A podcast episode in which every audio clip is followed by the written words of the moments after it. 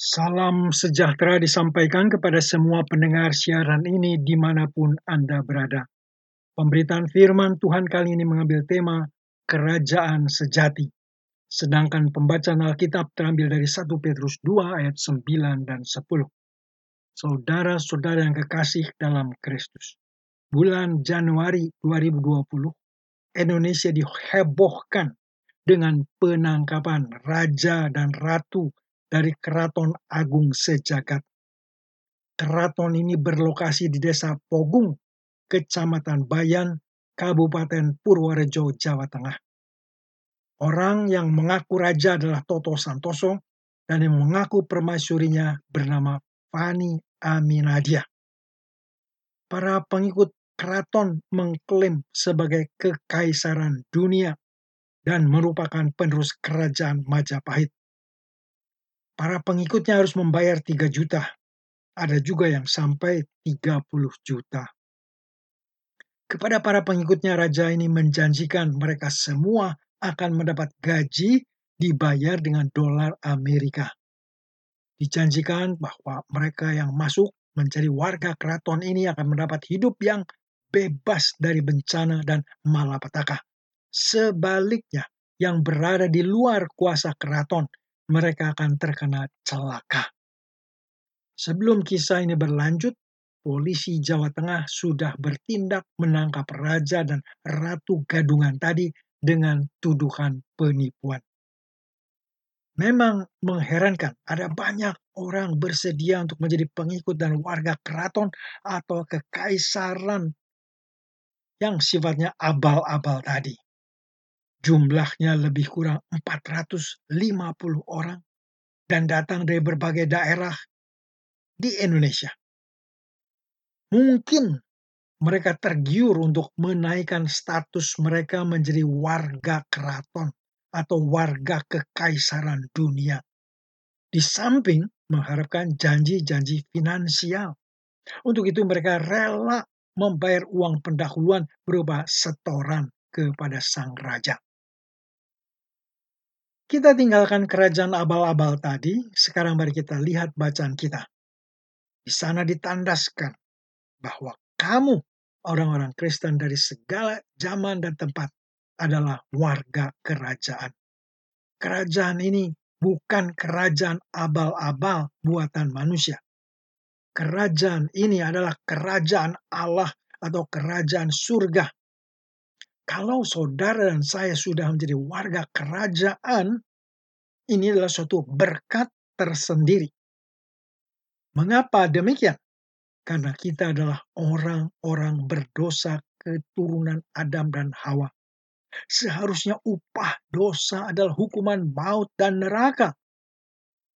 Tetapi anugerah Allah di dalam Yesus telah memilih Anda dan saya Bukan kita yang memilih Allah atau memilih Kristus. Kristuslah yang memilih. Yohanes 15 ayat 16, Yesus katakan, Bukan kamu yang memilih aku, tetapi akulah yang memilih kamu. Anda dan saya dipilih untuk apa? Tidak lain untuk menerima pengampunan dosa, menerima hidup kekal, mendapatkan status baru sebagai anak-anak Allah, mendapat status baru sebagai umat Allah, status baru sebagai bangsa yang kudus, status sebagai imam-imam, dan status sebagai warga kerajaan. Apakah pemilihan Allah ini sudah selesai dan final? Belum.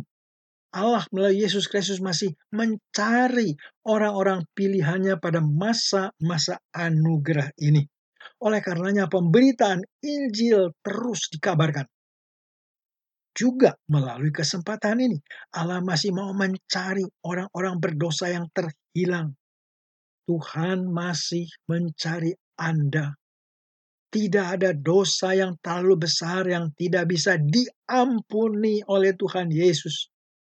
Mengingat itu, dengarlah panggilan Tuhan. Datang kepadanya untuk menerima pengampunan dosa, untuk menerima hidup baru, untuk menerima status baru sebagai anak-anak Allah dan status sebagai keluarga kerajaan di mana Tuhan Yesus adalah rajanya. Dengar panggilannya melalui pewartaan siaran ini. Terima Tuhan Yesus sebagai juru selamat dan sebagai raja. Katakan, Ya Tuhan Yesus, aku menerima Engkau sebagai pengampun dosaku, sebagai juru selamat, dan sebagai raja dalam kehidupanku. Terima kasih kalau hari ini aku dimasukkan ke dalam keluarga kerajaan Allah di mana Engkau sendiri adalah rajanya. Kalau Anda dan saya sudah menjadi warga kerajaan, janganlah ini diartikan secara duniawi. Orang-orang Yahudi pada zaman Tuhan Yesus mengharapkan Mesias, yaitu utusan Allah, raja yang akan datang sebagai raja duniawi. Itulah harapan mereka. Ketika Yesus datang dengan kuasa luar biasa, menyembuhkan orang sakit, yang buta dicelikan, yang lumpuh berjalan, yang kerasukan setan dibebaskan, yang mati dibangkitkan, dan yang lapar diberi makan, di mana lima ribu orang lebih diberi makan secara cuma-cuma. Orang-orang Yahudi berpikir, inilah raja yang ditunggu-tunggu. Inilah raja yang akan membebaskan bangsa Yahudi dari penjajahan bangsa Romawi yang sedang menjajah bangsa Yahudi. Yesus menolak diperlakukan secara demikian. Karena ia memang datang bukan untuk menjadi raja duniawi bangsa Yahudi. Ia datang sebagai raja atas segala bangsa dan semua bahasa. Kerajaannya bukan sementara di dunia ini saja, tetapi kerajaannya kekal dari selama-lamanya sampai selama-lamanya. Karena Tuhan Yesus menolak dijadikan raja secara duniawi, orang-orang Yahudi kecewa bersama-sama dengan orang Parisi Saduki yang merasa kuasa dan popularitasnya terganggu oleh Yesus, maka mereka menyerahkan Yesus kepada penguasa Romawi untuk disalibkan. Di hadapan penguasa Romawi yang bernama Pontius Pilatus, maka Tuhan Yesus menyatakan bahwa kerajaannya bukan dari dunia ini. Yohanes 18 ayat 36 mengatakan ucapan Yesus di hadapan Pilatus. Jawab Yesus, kerajaanku bukan dari dunia ini. Jika kerajaanku dari dunia ini, pasti hamba-hambaku telah melawan supaya aku jangan diserahkan kepada orang Yahudi. Akan tetapi kerajaanku bukan dari sini yang mau dikatakan Yesus, kerajaan Yesus bukanlah kerajaan dunia seperti kerajaan-kerajaan lainnya. Kerajaan-kerajaan dunia dibatasi waktu. Ada waktunya jaya, tetapi pada waktu lain kerajaan ini dikalahkan oleh kerajaan lain. Contoh dalam Alkitab mencatat bahwa kerajaan Assyria digantikan oleh kerajaan Babel. Lalu kerajaan Babel dikalahkan oleh kerajaan Media Parsia dan pada waktunya kerajaan ini dikalahkan oleh kerajaan Yunani. Akhirnya Yunani dikalahkan oleh kerajaan atau kekaisaran Romawi. Apa yang terjadi dengan kerajaan-kerajaan tadi sudah dinubuatkan dalam Daniel 2 melalui mimpi yang diberikan kepada Raja Nebukadnezar. Raja ini bermimpi mengenai sebuah patung besar simbol dari kerajaan-kerajaan dunia akhir kisah dari kerajaan-kerajaan itu dikatakan bahwa patung itu dihancurkan oleh sebuah batu yang turun dari atas. Batu ini adalah simbol kerajaan Allah.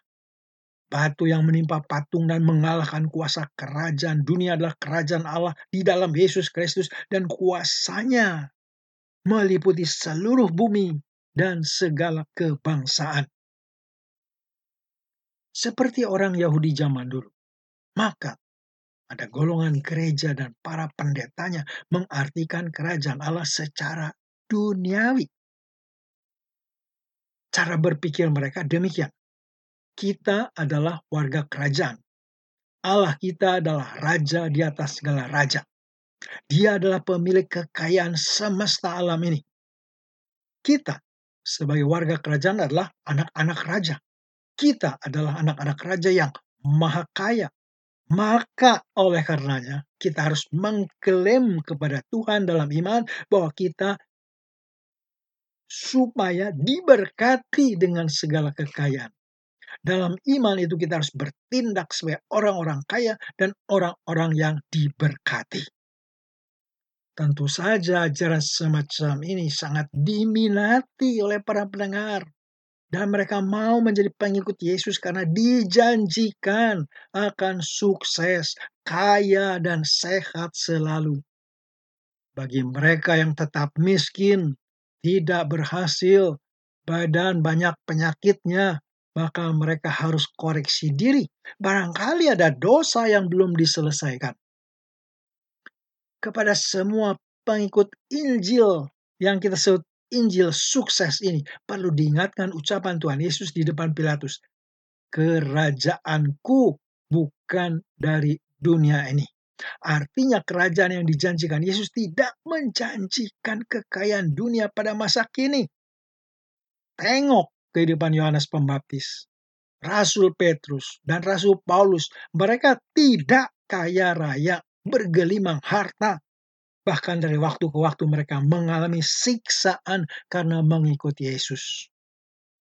Kerajaan Yesus atau kerajaan Allah sudah berlaku sekarang, di mana kita menundukkan diri di bawah kuasa Allah, hidup menurut segala petunjuk-petunjuk firman Allah, dan untuk segala keperluan hidup kita bergantung kepada Dia dari hari ke sehari, sehingga kita berdoa, berikanlah kami pada hari ini makanan kami yang secukupnya.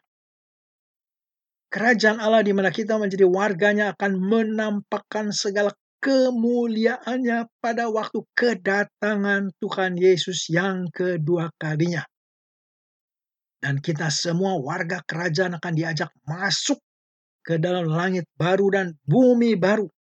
Di sana tidak ada lagi kemiskinan, tidak ada lagi penderitaan, tidak ada lagi bencana, tidak ada lagi sakit penyakit, tidak ada lagi malapetaka kita akan hidup dalam sukacita penuh damai sejahtera Allah dan kita akan melayani Tuhan Allah sampai selama-lamanya.